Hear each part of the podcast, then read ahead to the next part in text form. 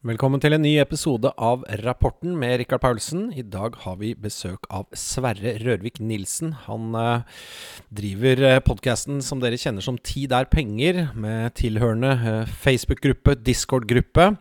Og dette gjør han i tospann med Peter Warren. Sverre Rørvik Nilsen er en av de mer skarpe, kall det, produsentene og kommentatorene eh, innen finans vi ser der ute i dag. Han snakker til et stort publikum og vet virkelig som gjelder i verden i dag. Han har eh, vært til stede der eh, på viktige hendelser mange ganger i livet. Han har kommentert, eh, skapt innhold, eh, kurert og gjort analyser av det vi ser der ute. Og gleder meg til denne samtalen, så vær så god.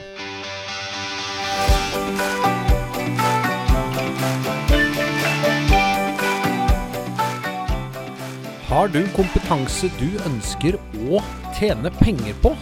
Kan du selge dine tjenester på jespos.no. Den nye frilansplattformen har åpnet dørene for registreringer nå. Du kan gå inn som frilanser eller kunnskapsarbeider eh, om du vil, og eh, verifisere deg selv for å kunne ta oppdrag, slik at du kan tjene penger. De oppdragene du utfører, starter eh, med en gang du blir enig med eh, oppdragsgiver, og du vil få pengene utbetalt dagen etter leveranse. Dette er en unik mulighet for alle som har eh, kompetanse, erfaring eller lyst og eh, vilje til å jobbe med alt fra design, tekst, bilderedigering, lyd, video, research, support, kundestøtte, salg osv. Husk også at på Jespos så jobber du anonymt. Så logg dere inn på jespos.no. Dørene er åpne, og registrer deg i dag. Ja, hei Sverre. Hvordan eh, går det med deg? Det går fint. eh, Tidlig eh, start. Jeg er ikke så veldig vant til å ikke ha kontrollen med en podkast, men Når er dere pleier å spille inn Tid er penger-podkasten? klokka ett. det er sånn Jeg liker litt tidlig på morgenen. morgenen. ja. Jeg er litt treg på morgenen. Jeg tenker amerikanske tider, på en måte. Jeg følger amerikanske markedet ganske tett. Så. Ikke sant.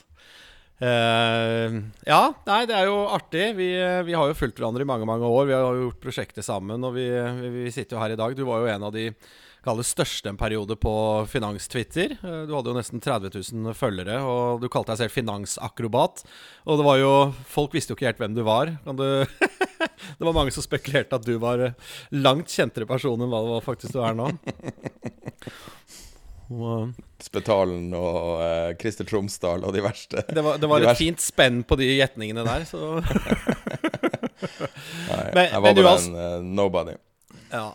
Men uh, uansett, du var veldig flink, du var veldig aktiv, og du bygde en følgeskare som, som ingen andre i norsk uh, finanstwitter har gjort i etterkant. Uh, du la den ned, men du startet etter det en podkast. Du startet et Discord-community, en Facebook-gruppe som også har vokst seg veldig stor, som heter Tid er penger.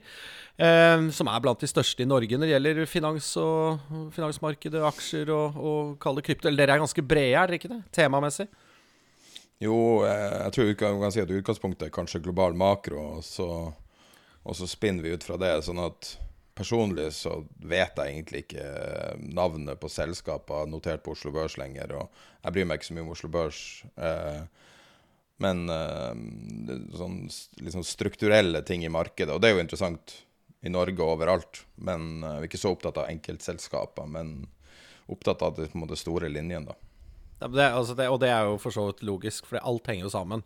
Det er jo altså det er Sånn derre risk on and risk off, uh, all assets, det er jo på en måte vært siden finanskrisen i 2008, vil jeg anta. Hva tenker du? Det er jo Ja, ja, altså til, til og med krona har jo ingenting Har jo ingenting særpreg lenger. Altså, det, det er jo en 100% risk on risk off asset nå. Men vi skal snakke litt om eh, det å bygge community. Så det, det dere har fått til eh, rundt Tid er penger, det er da en podkast og et community du driver sammen med Peter Warren, som er eh, en, en kjent finansmann. Veldig, veldig hyggelig og flink. Eh, hva er liksom på en måte hemmeligheten å bygge liksom, hemmelighet, jeg sier, men hva, hva er oppskriften da, på å bygge et community som dere har gjort? Altså, Det har jo mange, mange tusen følgere og stor aktivitet hver eneste dag. Ja, nei, jeg, jeg, jeg, jeg tenkte på det der, fordi at uh, Så har jeg jo kjent Peter i sikkert tolv år nå, eller noe sånt. og Jeg husker at like etter jeg ble kjent med han, så da drev han og finansblogga. Og og, og, gjorde det jo på egen rygg og hadde ikke hjelp av noen, altså i form av distribusjon eller noe. Jeg tror det var via hans Twitter-konto at det ble spredd. Og da husker jeg sa til han liksom at du burde jo bygge et noe sånn finansmedieselskap, bygge videre på det her.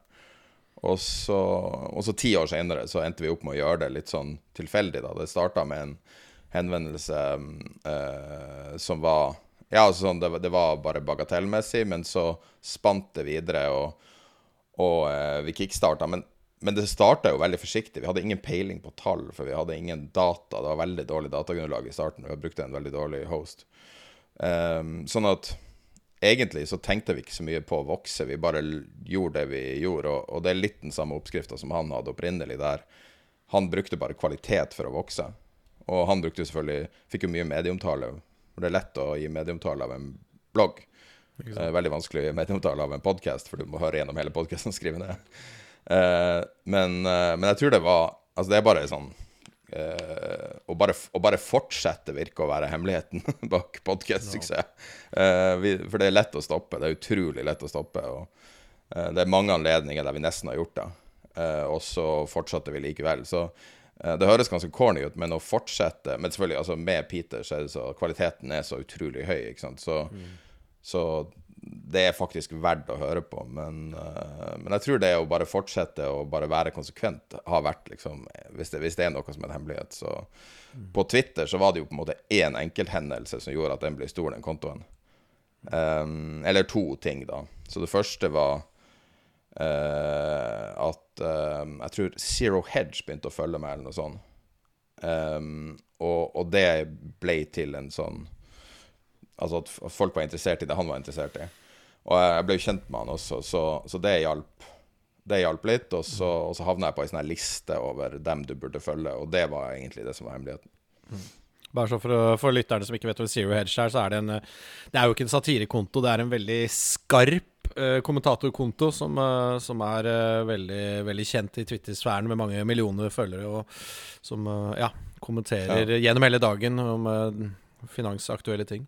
Ja, er, altså På en måte så syns jeg, hvis du ser bort fra politikken, som er helt håpløs, mm. så er det sånn, sånn, som jeg ser moderne finansmedier på sitt beste. Mm. Um, så, men altså sånn De har jo blanda inn mye politikk og sånn, så det blir litt sånn vanskelig for folk å ta det seriøst, fordi at det er så mye politikk som på en måte besudler det. Og Derfor har vi jo også ja, det er sånn Resett blandet med Finansavisen. Nei da, men det, var bare for å sette det på spissen. Men, men når, når ja. han kommenterer eh, tall og liksom på en måte hendelser i markedet, så syns jeg han er veldig veldig skarp. Altså. Eller når han ja, gjør Det er tre sånn stykker som jobber der, da. Mm, det det? Så det er jo én kar som bare gjør uh, økonomien, uh, som stort sett er Daniel Ivadinsky. Og, uh, og, du merker når det er han, eller om det er det fyllstoffet bare for å ta trafikk. Men de er jo Altså, jeg syns de er forbilledlige, og, og, det de har gjort som, som, er liksom det vi har gjort, er jo bare å fortsette. Du stopper aldri. Mm. Du må ha energi til å fortsette, liksom. Jeg tror kvalitet trumfer mye. Mm. Det, er sånn, det er superpower. Det er patience and time, vet du. Så, ja. Nei, men Se nå på de største podkastene i verden. Mm. Sånn som Joe Rogan eller det der Mark Maron-podkasten. Sånn. Det er ikke noe spesielt med dem. Det er jo bare det at de starta tidlig og aldri har stoppa. Altså være altså, det, konsistente. Altså de bare er. Mm. Ja. Nei, men, det, men, du da, du har jo gjort noen podkast-stunt. Ja, eh, vi, altså, jeg gjorde jo den kryptografen, og det gikk jo Vi hadde vel på det beste litt over 2000 lyttere, tror jeg der, så det var veldig gøy. Det var god trening for meg. Eh, nå er jeg i gang med dette podkast-prosjektet her. Jeg har lyst til å gjøre litt eh, litt ulike. Jeg ser faktisk at der jeg leser inn selv, altså når jeg bare er meg, der jeg liksom ranter litt uh, det, De har flest lyttere. Uh, ja, men det er det jeg likte best, så ja. Er, er, det fordi at liksom på en måte Ja, ok, greit, det er digg med feedback, liksom, men uh, jeg vil jo introdusere litt folk og sånn. Men jeg, jeg, tenker jeg skal gjøre begge deler. Uh, jeg liker verdenssynet ditt, og mm. du har en unik, optimistisk approach. Ja, og cool. veldig mange som snakker eller skriver om økonomi, er negativ. Ja. så det er, um, det er veldig, veldig, veldig fint å høre din på en måte eksmeglerinnfall. Ja. Ja, men jeg, jeg, kommer til å gjøre mer av det. Og så har jeg veldig lyst til å få meg en sånn uh, En sånn gruppepod, holdt jeg på å si, gjerne under det navnet her, men sånn to-tre stykker som kan sitte og Sånn after hours, på en måte. Prate litt mer løst og fast om både politikk og, og der, da. Men uh, vi får se. Politikk også? Nei, ja, jeg skyr det mest mulig, men, men altså, hvis vi er midt i en valgperiode, så må vi jo kunne snakke om økonomiske konsekvenser av ikke sant, vridninger. Men jeg kan gi deg et råd, så er det kommer ikke ja, Det kommer investeringsmuligheter nå etter den nye regjeringen. Ikke sant? Det, jo, det, må man jo se på. Altså, selvfølgelig, de skal jo pløye 40 milliarder over på noe annet som vi ikke gjør nå. Ikke sant? Så, mm. Men uh, altså, vi har en regel om uh, fra første sekund som er ingen politikk i podkasten, ingen politikk det er ikke lov å diskutere partipolitikk. Mm. Uh, og det gjør jo at Jeg tror det jo gjør at folk ikke faller fra. For at de tingene jeg har falt fra i mitt liv, så er det jo ofte når plutselig folk flagger sin egen mening, og så er det bare sånn ah, ah. Så Du mister litt sånn den koblinga. Altså, jeg syns materien i seg sjøl er interessant nok når det gjelder finans, og mm. trenger ikke noe blande inn noe drama. Ja, men det er jo sånn det er eneste gangen Jeg har jo vokst til 7400 følgere på Twitter. Og det eneste gangen jeg får minus, er når jeg i hele tatt beveger meg inn i en politisk diskusjon. Så jeg prøver å sky det som pesten selv, men uh... Ja, men det, det, det, var derfor jeg slutta med Twitter. Det var fordi jeg merka at det påvirka Det påvirka mitt uh, verdenssyn, fordi at man blir en uh, en performer, liksom. Og, mm. og det var en kompis av meg som For jeg, jeg klagde på telefonen, for da hadde jeg fortsatt en konto, vanskelig å slette. Og så beskrev jeg problemstillinga, og så, så, brukte han et ord for å beskrive folk som sitter på Instagram og Twitter og sånn. Og jeg syns det var ganske dekkende at, uh, at det er internettklovner. Og du er der for å underholde, liksom. Og, og det var det jeg ikke ville være, da. Så derfor slutta jeg med Twitter. Internettklovner, Bra, ja jo. Men det stemmer, det. Nei, der har du jo navnet på den der podkasten du vil lage. ja. Nei, jeg har litt sånn der elsk-hat-forhold til, uh, til, Twitter, egentlig. Sånn som det, er liksom, det har blitt min sånn arena. Uh, det er der er liksom størst nedslagsfelt. Og det, jeg synes det er, når det er bra, så er det veldig bra. Altså under live-events, f.eks., eller når, når, ting skjer liksom real time, så er det jo helt vilt. Og jeg husker jo du, var det ikke 22. juli, så, eller var, var, ikke du nede i sentrum der og dokumenterte? Mm. Nei, jeg var, jeg var, den nærmeste som ikke ble skada av ja, bomba. Så jeg sto rett foran uh, SMK uh, når det smalt. Mm. Og, um, og, så skrev jeg en tweet om det, og så uh, Da var jeg, jeg ble jo intervjua på CNN live og alt mulig, og det var ikke fordi mm. at jeg søkte oppmerksomhet. Det var det, snarere det motsatte. Det var bare det at det var så mye feil informasjon ute. Jeg sto jo og så på bygget når det, når det smalt. Så jeg mm. så jo på en måte hva som skjedde. og jeg så eh, tidlig versjon av fake news skje rett foran øynene mine, så jeg måtte stille opp eh, og fortelle hva jeg så, i hvert fall. Ja. ja. shit, det husker jeg faktisk. Så, men, og litt av den det gjelder jo andre steder i verden. Holdt opp, det er jo akkurat sånn som under f.eks. evakueringen av Kabul og sånn, i hvert fall de første timene, så var det jo Twitter helt uvurderlig. Eh, økonomiske tall, masse sånne ting. Men så er det jo jeg følger for mange sånne aviser og sånn. Det blir for mye Ja, det er for mye innhold, så jeg må drive Jeg skal prøve å avfølge litt. Men, um, Men jeg har laga to lister. Jeg bruker bare TweetDeck. Så jeg har laga mm. to lister. Det ene er bare rå nyheter, og det andre mm. er den type folk du vil høre kommentarer fra. Altså folk som er liksom interessant i forhold til økonomisk kommentering, men som mm. ikke blander inn sine egne, på en måte, sitt eget liv for mye. ja. uh, så det, det, er i hvert fall det som funker for meg. Mm. Men dere er jo aktive på både Discord og Facebook. Hva er det som um hva er det som er hemmeligheten der? Er det vært, liksom, liksom, du, Hvis du kan snakke litt rundt hva dere har gjort der? Uh, nei, altså, jeg hadde en teori Jeg, jeg, jeg tror det opprinnelige var med Facebook-gruppa, var at vi ville vite Altså selvfølgelig kommunikasjon. Altså, det, det jeg satte sa Peter da, var liksom at vi må, eh, vi må, ha flere nedslagsfelt. Altså, du må ha en måte å dele en link, eller du må ha en måte å, snak å snakke med folk. Ikke så veldig interessert i tilbakemeldinger på selve podkasten, og det har jeg unngått egentlig, fordi at erfaringsmessig så blir det bare dårligere hvis du hører på andre. Men eh, i hvert fall fremmede på internett som bare eder og galler. Men vi ville ha et eller annet kontaktpunkt der vi hadde litt kontroll også. Så hvis vi hadde brukt Twitter, så er det sånn Da ender du bare opp med å få kjeft til syvende og sist. Men når vi brukte i Facebook-gruppe, så, eh, så hadde vi eh, Sånn som dynamikken til Facebook-gruppe fungerer, så var det jo nesten 100% som fikk et varsel hver gang du la ut noe. Nå er det litt mindre enn det, da. Det, eller vesentlig mindre enn det. Uh, men da var det da å kunne dele ting som var verdt å dele. Men mitt mål nå er å slette Facebook-gruppa. Um, så har fordi, fordi, algoritmene der ikke hjelper dere for mye? Algoritmene uh, går bare én vei. Det blir mindre og mindre effektivt. Sånn at uh, impressions som folk får, har gradvis gått ned i, i tre-fire år nå. Og så fjerner de ting uten forvarsel. Jeg liker bare ikke hvordan Facebook opererer. Jeg har dessverre hatt flere kontaktpunkter med Facebook de siste årene um, i forhold til, uh, i forhold til jobb, jobb, og sånne ting, da, og prøvd å kutte ned. Så det er bare den Facebook-gruppa igjen nå. Og, Men det det, det er bare sånn forklare lytterne, forklare lytterne hva de gjør. De, de, når du starter en gruppe, for eksempel, eller for mange år siden, så ville alle ha firmakontoer eller grupper osv. Så, videre, så gir de deg masse impressions. Det vil si at de sprer ditt budskap. Du øker i, i antall følgere. Og når du har liksom, går og krysser over en grense, så, så tar de ned eksponeringen din. Og så spør de om du vil betale for eksponering. ikke sant? At du kan Ja, Det er i hvert fall det som har skjedd med Pages. Ja. Det har ikke skjedd med ja. gruppe enda, men det er Nei. veldig nært, tror jeg. Ja, Så de tyner deg da, ikke sant? De får deg til å investere masse i å bygge opp uh, en verdi der, og så, så skviser de sitronen, ikke sant. Mm. Husker du det gamle sida til Idar Vollvik? Den var jo helt gigantisk. Ja, hva var det igjen? Ja, det var noe sånt da. Mm. Og han uh, endte jo bare opp med å sende ut reklame for en eller annen nettbutikk, og det var jo en bait and switch. Veldig. Ja.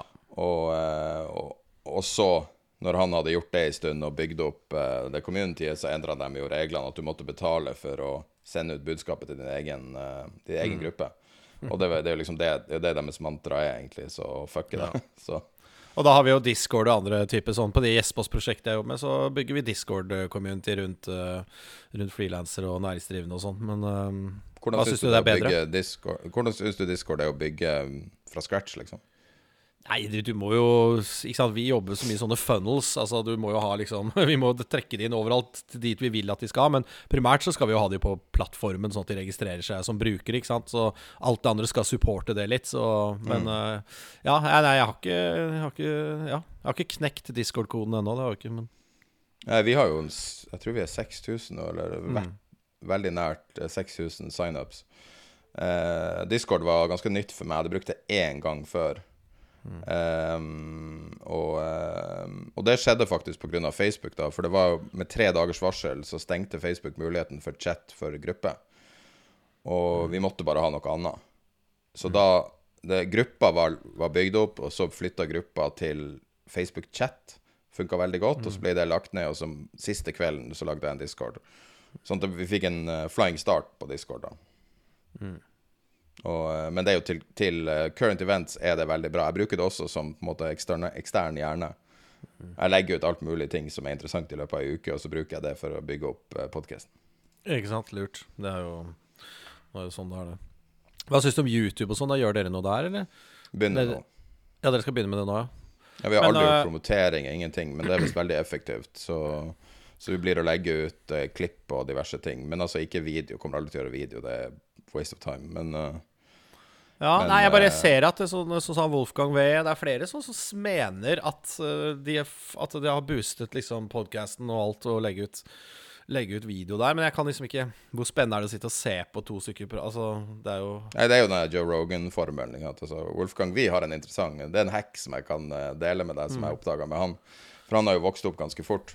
Mm. Og hvis du går i hans uh, podkastbeskrivelse mm. Så står det noe sånn som Uh, dette er Wolfgang Wie, vi intervjuer folk, bla, bla, bla. Og så Dette er et program som er laga inspirert av Joe Rogan Experience. Og så ramser han opp masse podcaster som folk søker på. Og da indekserer han jo sin podkast når du søker på, på dem. ikke sant? Så det tror jeg er jeg, Hvis jeg skal gjette, så tror jeg det er hemmeligheten bak at han er, har klart å, å komme seg over det punktet. Ja, Da kan han vel bare annonsere med en gang at innholdsfortegnelsen til denne podkasten kommer til å være litt annerledes fremover.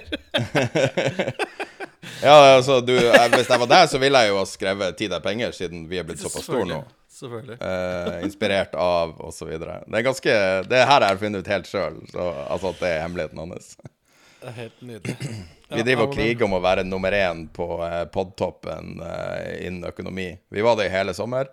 Ja. Men nå er da dine penger siden tilbake. Men eh, jeg tror vi kommer til å passere dem eh, rundt jul.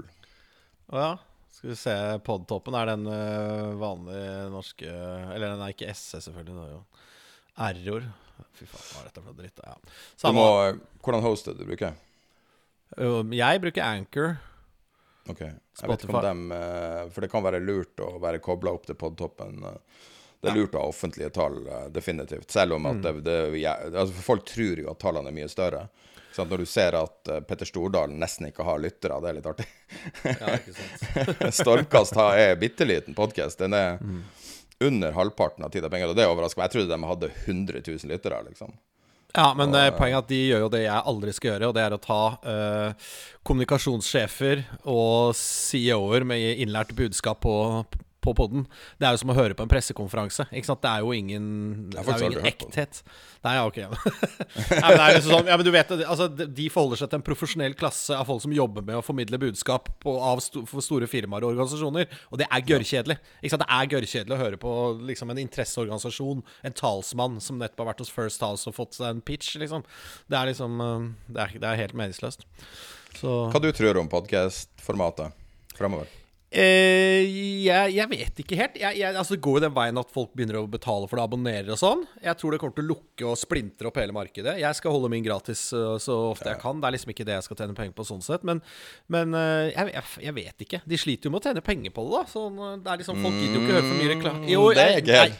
Nei, jeg har altså, litt innsyn i hva folk tjener. Jeg lover deg, folk sliter ikke med å tjene penger på podcast. Ok, Men hva er det man får direkte pga. streams, eller får man det liksom på reklamen? Det er liksom partnerskap? Nei, altså Vi har jo Patrion, som vi allerede mm. som, Jeg tror vi er de første som gjør det, i hvert fall. Med, mm -hmm. med, med Altså det, det finnes noe to-tre En YouTube-kanal som veldig dramatisk ble kasta ut av VGTV. De var de første som gjorde Patrion i Norge, eh, og da fikk veldig mye inn på én dag. Men det var jo for å redde dem, på en måte. Og, og så er det en eller annen nettsted om amerikansk politikk som har det. Men jeg tror at vi er den første podkasten som gjør det, og det funker veldig godt. og Teorien der er ganske enkel at uh, hvis man viser arbeid, altså hvis man faktisk legger inn effort i noe, mm. så vil folk, vil folk betale for noe på mm. tross av at de ikke må. Fordi at, så du må jo gi dem litt mer. og vi blir jo lage, Når vi lager mer innhold utover det, f.eks. hvis vi typisk ting eh, som jeg likte veldig godt med Peter, var når han gikk gjennom opsjonshandel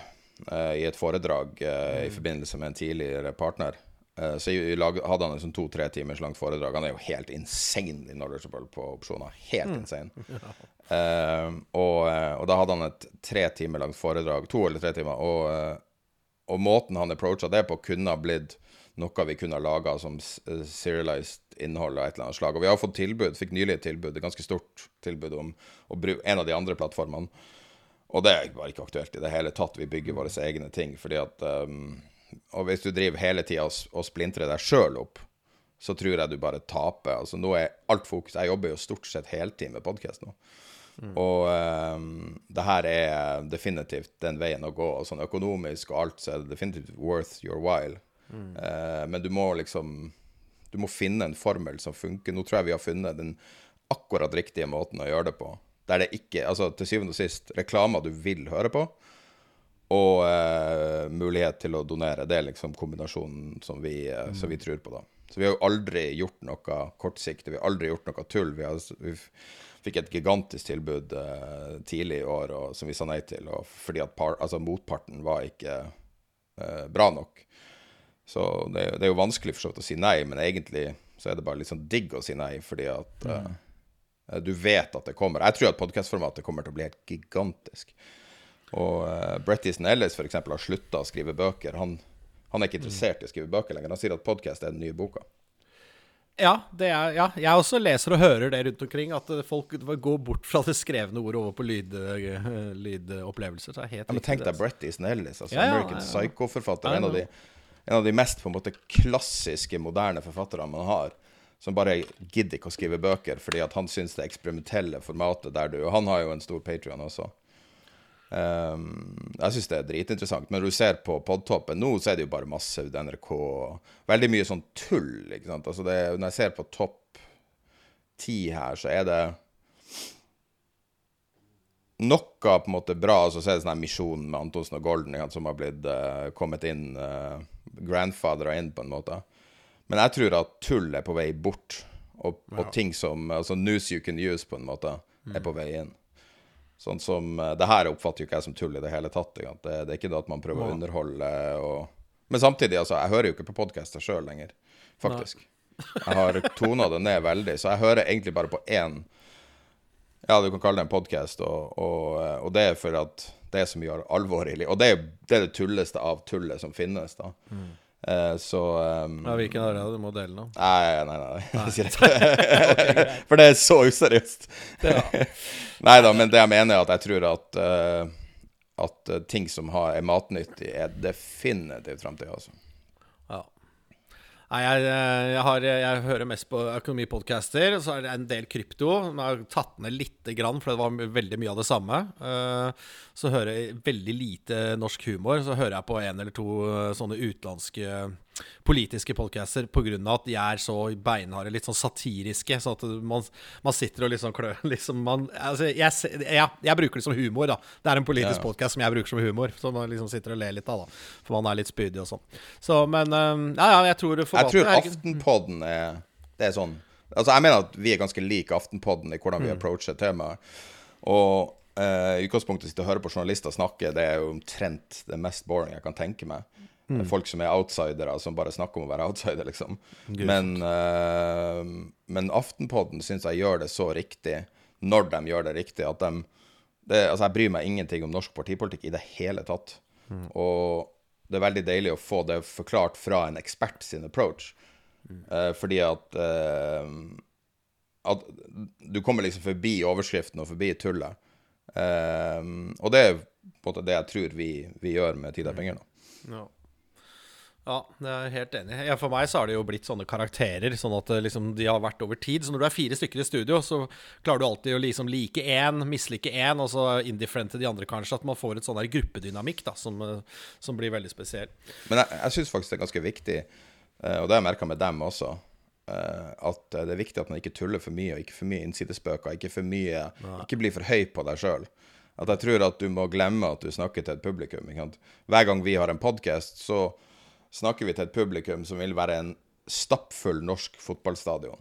Mm. Og hvis du begynner å tenke sånn, så, eh, så begynner du å tape, tror jeg. Eh, mm. Sånn som der eh, Jeg har en familie, familie som bor på uh, utenfor Ålesund, og, og, der vet jeg at betydelig mengde av folk som bor på den øya, hører på podkasten. Altså en overraskende stor andel som har funnet det på egen måte. Det er ikke pga. Ja. at det er noe familieconnection.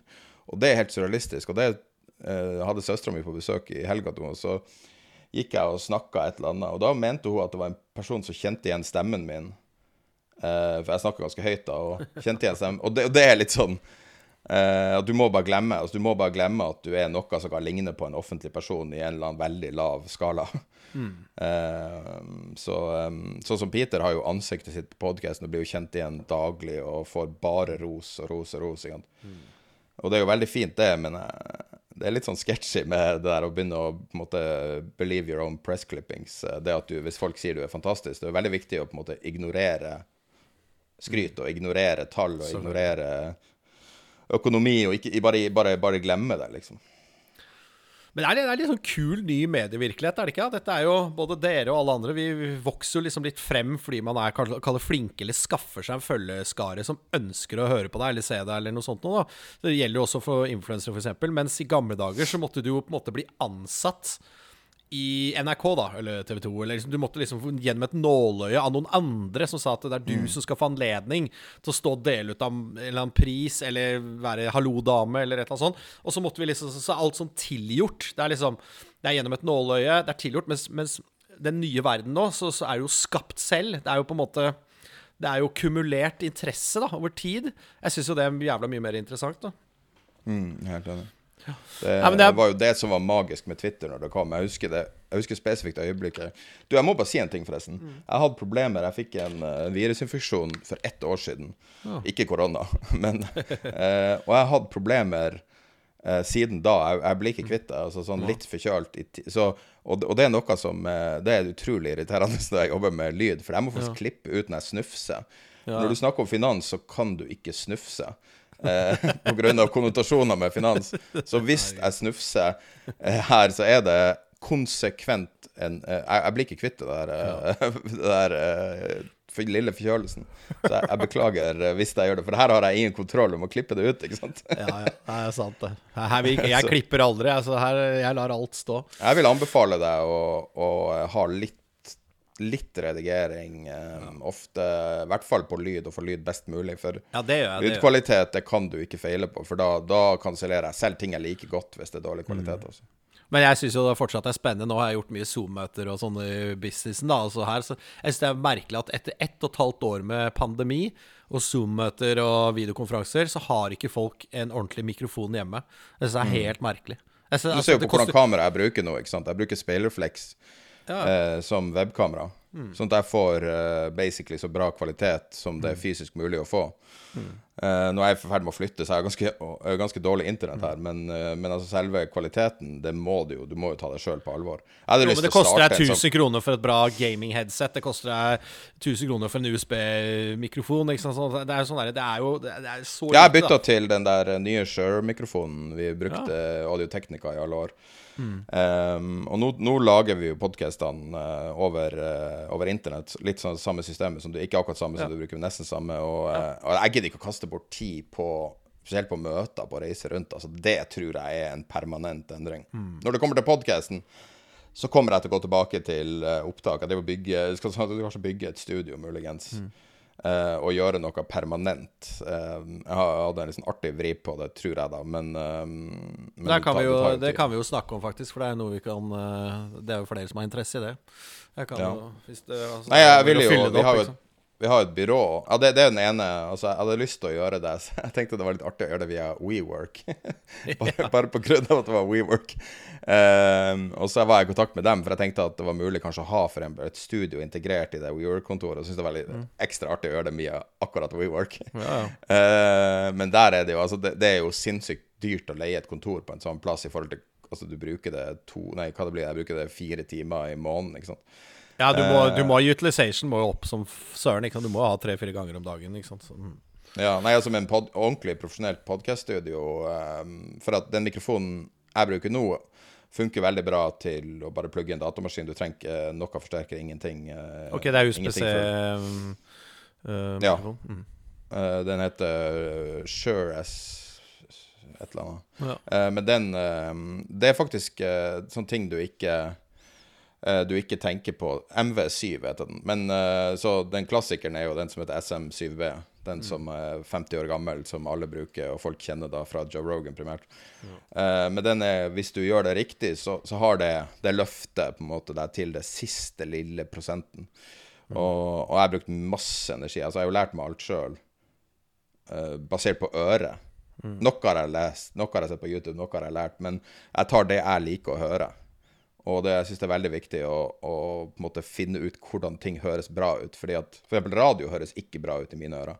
De eh, putter for mye prosessering på, på lyd. ja, du hører smattingen på lepper og ja, men Det er helt sånn der, helt uh, enig. Ja, Wolfgang Wee gjør, gjør det som radio, så han prosesserer det enten live eller i ettertid. Og det gjør at i mine ører Så jeg hørte på Magnus Carlsen Har du hørt det Magnus Carlsen-intervjuet hans? Ja, men den ligger lastet ned på spilleren. Ja, den må du høre. Og du burde egentlig se videoen da, faktisk. Vi snakka jo om Jeg vet ikke om vi snakka om det før eller etter vi starta, men eh, akkurat det så liker jeg å ha video. Da så jeg hele videoen, faktisk. Flere timer lang mens jeg jobba med noe annet, men likevel så sto det på som video. Magnus Carlsen er jo en veldig spesiell uh, Spesielt interessant person. Ja, jeg gleder meg. Så, nei, han, han har gjort mye da? bra. Jeg, ja, det også liker jeg veldig veldig godt. Så jeg hører på Det er en av de humorpodkastene som jeg, som jeg hører er på. din eh, Du har jo identisk stemme med han Bærum. Du, ja, det har du sagt før, faktisk. sånn er det, vet du. Vi prater med litt sånn ekstra gata. giv. Jeg møtte han på gata i Oslo, Ja, ja. og det var ganske lenge siden, da. Så jeg, jeg, det var ufattelig frekt. Så spurte jeg om han var så dum, eller det var, det var skuespill. Ja. Ehm, og da flirte han og sa at han, eh, han var så dum, da. ja. Uh, men jeg angrer på det. Det er jo en utrolig drittsekk ting å si, da. Hvis noen hadde gjort det med meg, så hadde jeg blitt dritsur. Så, sånn er det. Men du, skal vi ta litt marked og, og sånn før vi, før vi runder alt jeg på å si? Det var jo veldig hyggelig å bare la ting flyte her, men eh, formatet her er jo ikke Vi har ikke totimers format, vi er mer sånn halvtime pluss uh, artig. Hæ? Ja, ja, det visste jeg ikke. Ja. Jeg syns det burde gå lengde for å gå i dybden. Det tar tid å sette seg. Ja, det, jeg, jeg er litt enig i det. Uh, så, men, uh, jeg skal men ikke ødelegge formatet ditt hvis du vil Nei, nei, nei, det var ikke det. Bare Det var istedenfor Lars Berrum, som vil snakke litt, litt om aksjer, så kan vi bare la det flyte litt der òg. Så, men eh, du har jo vært vitne til liksom et vanvittig rally nå fra bunnen i fjor. Børsen har doblet seg. Masse retail-investorer har kommet på. Krypto går i taket. IT-aksjer er i taket. Meme stocks, fucking NFT-er. Alt er i penga. Hva er dine liksom reaksjoner og tanker rundt dette her? Hvis nå skal bare begynne der. Eh, jeg har gjort uh, en bevisst endring helt nylig. Faktisk påvirka deg. Det har jeg sagt til deg også. Etter vi snakka Det var en kveld du hadde Du ringte meg ganske seint. og, så, og så var det noe med timinga og altså litt hva vi snakka om også, men, men, det er liksom den Tenkte jeg etterpå altså, jeg, jeg, jeg, fikk ikke sove den natta. Mm. Delvis fordi det var, det var seint du ringte, men delvis også uh, fordi at jeg fikk litt av åpenbaring, og det var at jeg tror kanskje jeg har tilnærma meg ting litt feil, og at jeg har lyst til å endre approach. Sånn at mitt syn på alt det her er at jeg er at jeg, jeg, jeg, jeg syns ingen burde være bullish eller bearish. Det er to begrep som, som jeg forakter. Um, men uh, jeg prøver å være nøytral, så jeg har lyst Jeg tenker på det som tidevann, da. Så jeg prøver å være buoyant, bare. Bare å mm. flyte helt uten å bevege meg. Uh, for å prøve å observere mer hva som skjer, og ikke ta så refleksstandpunkt i alt. Mm. Så grunnleggende så er jeg skeptisk til utilityen til um, f.eks. krypto. Altså, jeg ser fortsatt at til syvende og sist så er det en uh, spekulasjonsvehicle og ingenting annet. Jeg har aldri sett en utility fram til Messi ble betalt med PSG-token. Mm. Da er det plutselig sånn OK, det er ekte, det er en interessant økonomi, men til syvende og sist så er det jo også en en i anførselstegn scam av PSG å gjøre det. Altså De måtte finne opp penger og betale med de pengene de har funnet opp. Altså, kom igjen. Uh, altså, så øker verdien å, av den. ikke sant? Så de har jo funnet opp det er en ny balance. Ja, de eier halvparten av token, og så betaler ja. de han uh, halve lønna med det. Mm. Og angivelig er en måte å komme unna Financial Fair Play. Ikke at jeg er interessert i fotball i det hele tatt, men, men jeg er interessert i real world utility på, på krypto. da. Så eksempel sånn at bitcoin nå har En av de chartene jeg alltid har oppe, er bitcoin-futuren. Og eh, mitt syn er det samme som moderne kunst. Hvis du har tatt, altså, det er interessant hvis du tar bort pengene. Ta bort pengene. Du kan gjerne snakke med meg om bitcoin, men ta bort pengene. Ikke snakk om prisen. Snakk om alt annet enn prisen. Problemet med bitcoin er at det eneste som er interessant å snakke om, er prisen. Er prisen ja. mm. Så for eksempel i går så leste jeg den ukentlige eh, oppdateringa fra JP Morgan om, uh, om krypto. Og så bare sånn De første tre bullet pointsen var om prisen. Det var, det var hva prisen var, hvordan det hadde endra seg, og hvordan det var på et teknisk nivå. nivå. Det eneste måten sånn som jeg ser man kan trade krypto, må jo være teknisk. Um, jeg klarer ikke å se ikke å se noe, noe ekte konsekvenser, annet enn at folk blir rike fordi at de, man finner opp penger. Men altså, til syvende og sist så har man jo bare Man har jo bare laga et uh, si, altså et pengetrykkeri som hvem som helst på en måte kan trykke penger på. Altså, uh, sånn common sense-messig, jeg husker etter finanskrisa, så var det at man tenkte at det man egentlig trengte, var jo på en måte litt sånn bestemorlogikk, sånn husholdningslogikk når det kom til økonomi. Um, at det var det man mangla. Noen som bare sa hva som var rett, og hva som var galt i forhold til lån, da, i den mm. Og um, hvis du prøver å forklare bitcoin til noen med den, det verdenssynet, altså um, husholdningsverdenssynet, så, så, fremstår det jo som helt søkt. Men tingen er at so what? Altså, hva jeg mener og hva noen mener, har jo ingenting å si. Jeg bare observerer at det er her, og at det har forandra verden. Jeg tror at det har injisert en dynamikk eller en dynamisme, eller hva man skal Jeg vet ikke om det blir riktig måte å uttrykke seg, men uh, i markedet uh, som vi aldri har sett maken til. Og det er den største legacyen til bitcoin, mm. sånn som jeg ser det. At uh, det som siden jeg første gang leste et ord om finans, så var det hvordan skal du få retail tilbake? Det er ingen som handler aksjer lenger. jeg husker jeg var møte sjefen i Eller flere meglerhus. Um, to, to, av de store meglerhusene sjefene var ute med på forskjellige anledninger, og begge sa akkurat det samme. Det er at nei, det er 100 norske tradere, liksom.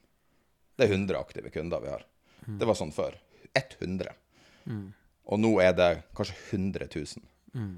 Og det var det man venta på. Så, og det er pga. bitcoin og ingenting annet. Altså volatilitet tiltrekker seg folk. Easy money tiltrekker seg folk. Um, og så når det kommer til IT-aksjer og sånn, altså det er jo, Multiplan er jo helt sinnssyk, men der er den i hvert fall basert på noe, så det er noe litt lettere å forholde seg til.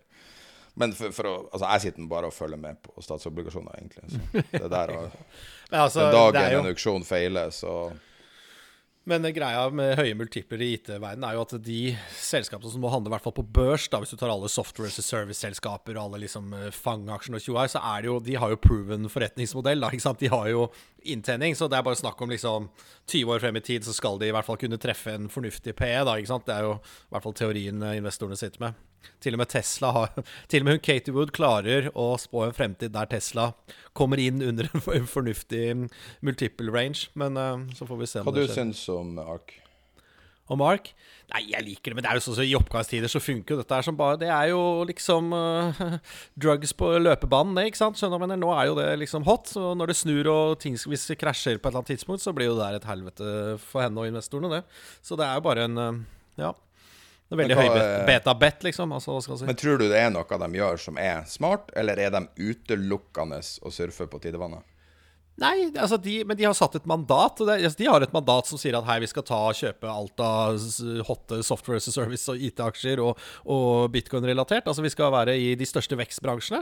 For vi tror at den veksten som har vært, kommer til å fortsette. Så de tror de neste fem årene er like hotte som de fem forrige. Og det verste at det tror jeg kan være helt riktig. Altså det er jo ikke noe, ser ikke noe tegn til at ja. det skal stoppe. Hvorfor skal det stoppe nå? Altså, det er jo Hele verden altså, skal det, underlegges. Det stopper jo når, når, eh, pengesystemet ikke tåler mer trykking.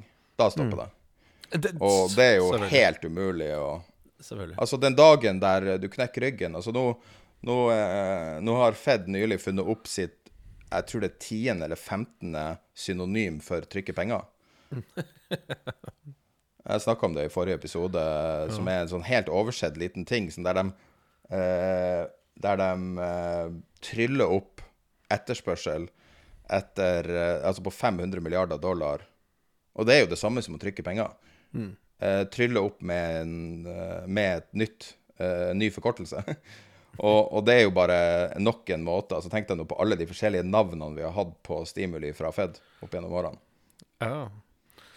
Her, ja. Men det, de stopper jo ikke, for nå er politikken nei, nei, blitt sånn. Det er jo, nei, I, I gamle dager så var det jo en høyre-venstre-akse på dette. her Nå er jo ikke det i det hele tatt. Jo, det er jo liksom begge partifloraen Eller partifloraen i hele verden står bak det, og alle sentralbanker står bak det. Så det er jo ikke noe Jeg må si at jeg liker Michael Burry nå. Altså. Jeg liker at han er i nyheten hver dag.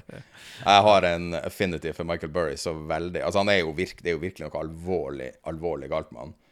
Men, uh, men hans approach, det er at han Altså, nå gjør han Nå gjør han derivatbets i hundrevis av millioner dollar-klassen mm. mot veldig targeta ting. Sånn som Han er jo, så vidt jeg vet, in the money på Tesla-beten. Han er mm. vanvittig short uh, ark mm. gjennom puts. Og uh, nå så jeg også TLT. Ja, ja. så, så han, han, er jo Altså, han har en veldig tid Men, men han er jo også Altså, jeg syns jo synd i han. Jeg tror virkelig at hans hverdag er lidelse. Ja. Men, det må jo være det. Han tok jo feil i seks år eller sånt nå på big shorten sin. Og det kan ta feil nå igjen, men vi får se bare holder. Så.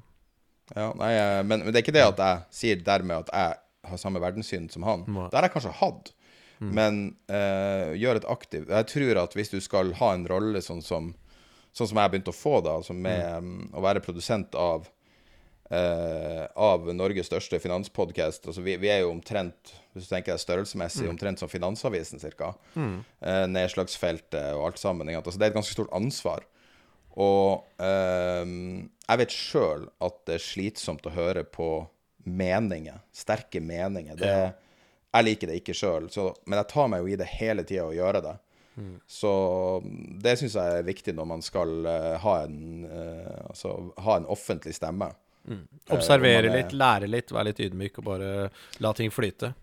Ja, men mitt syn er at, uh, at uh, Altså mitt, min, min visjon for markedet og verden og sånn er at finans skal bli en respektert bransje i Norge. Men uh, dæven, da må du ha endring. Altså, fytti helvete. Du må, første du må gjøre, å bytte ut en majoritet av folkene. Men du må Altså, mitt, uh, mitt oppriktige mål Apropos sterke meninger. mitt oppriktige Ja, men det her er, det her er den ene meninga jeg har. mitt oppriktige mål er at Goldman Sachs skal få kontor i Norge, og det irriterer meg grenseløst at de ikke har kontor i Norge. Har de ikke i Sverige, kanskje? Nei, jeg tror Morgan Lite, lite kontor i Stockholm. Men de sitter, men, de gjør uh, Det sier jo litt om hvor lite viktig norsk ja, finans er. Når Goldman Sachs ikke gidder å ha kontor der, da gjør det noe feil. Altså. Ja. ja det er kanskje Så, ikke Jo, men det kan jo veldig fint være det, ikke sant? Da, det, det, det kommer tittelen på denne episoden her til å være. Hvis ikke Goldman Sachs gidder å ha kontor der, så gjør du noe feil.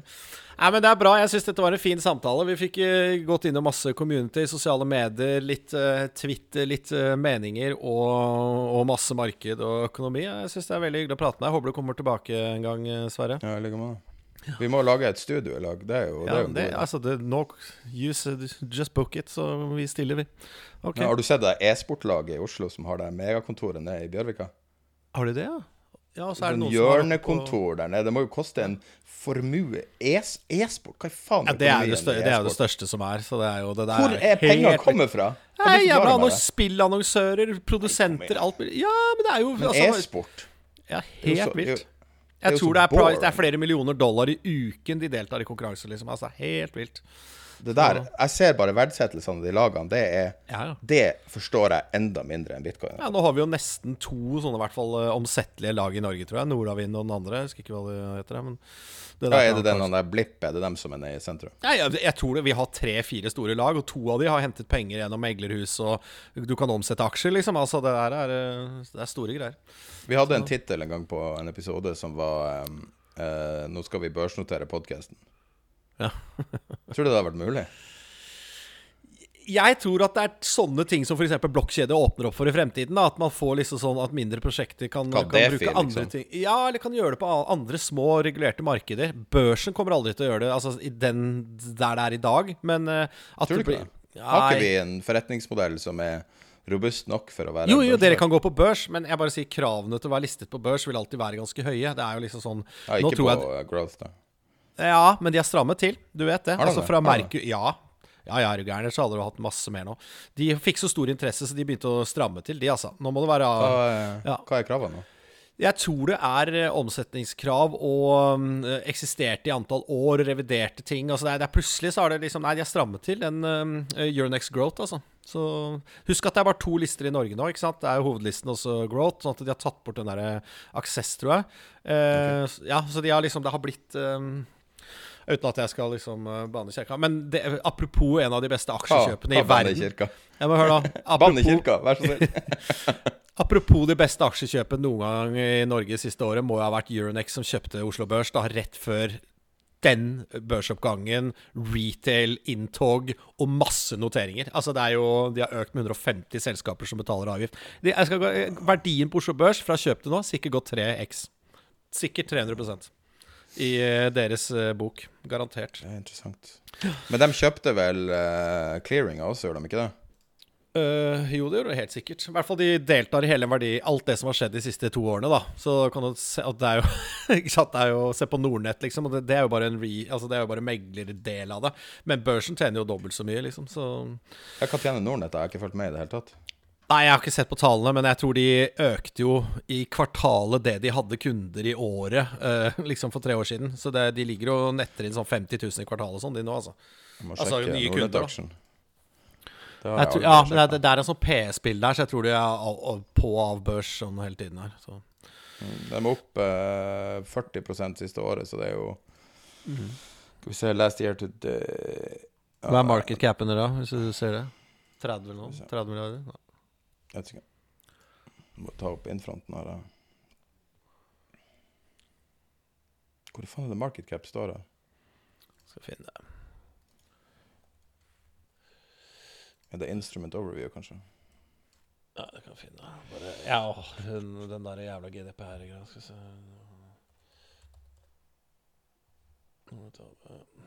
Sånn. Jeg finner det kjapt her. Så det er liksom det er bare Utrolig de har gjemt market cap. Jeg bruker bare Nei, jeg, jeg, hadde en, jeg, hadde feil med 20% 36 milliarder eh, market cap. Da. Ja.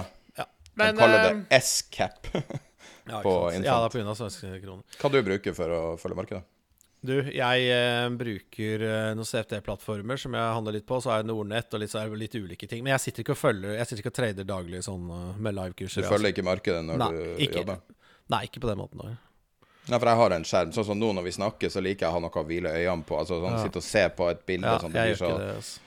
Så, uh, og så bare, jeg bare ser etter mønster, noe som stikker mm. ut. For det, det, er jo på en måte Det er jo det som jeg anser som jobben, da, er å mm. følge, følge, det. Ja. Jeg gjorde det liksom i tolv år, så jeg bare dritt det. Men du, faen, du er jo mister nyhetsbrev, da. Ja. Og så kommer eh, Og så kommer um, Substack inn Mm. og gjør nyhetsbrevskribenter til steinrike Mm. mennesker. Altså, har du sett Matt Taibi, hva han tjener på det? Nei. Han tjener noe sånt som Jeg tror det er 30 mill. i året Mm. på å skrive et nyhetsbrev. En journalist. Altså, du må jo Mhm. Ja, men det er liksom nedslagsfeltet hans er jo rimelig mye større enn eh, de 3000 stykkene jeg har på min uh, liste, ikke Ja, sant? hvis du har 3000 folk og, og 20% betaler, så har du jo ja. Altså, det du skriver, er jo faktisk noe jeg har lyst til å betale for. Og da er, jo, da er det jo også verdt å skrive. Det trenger ikke å være et morgennyhetsbrev. Men altså, jeg, jeg sier det når jeg hørte på podkasten, så var det det jeg ville høre på. Din approach er genuint interessant, det du sitter og ser på markedet. Ta nå gjenstart og start en Substack, please. Ja, Jeg skal paye. Kanskje jeg skal gjøre det. ja, men det er bra. Nå avslutter jeg. Nå går vi langt. Det er den lengste podkasten vi har gjort, uh, som er har gjort det tvinger siste deg til å gjøre året. det, jeg vet det jeg vet det. Jeg vet det. Ok. Du, tusen takk, Sverre. Vi snakkes. Ai, hei.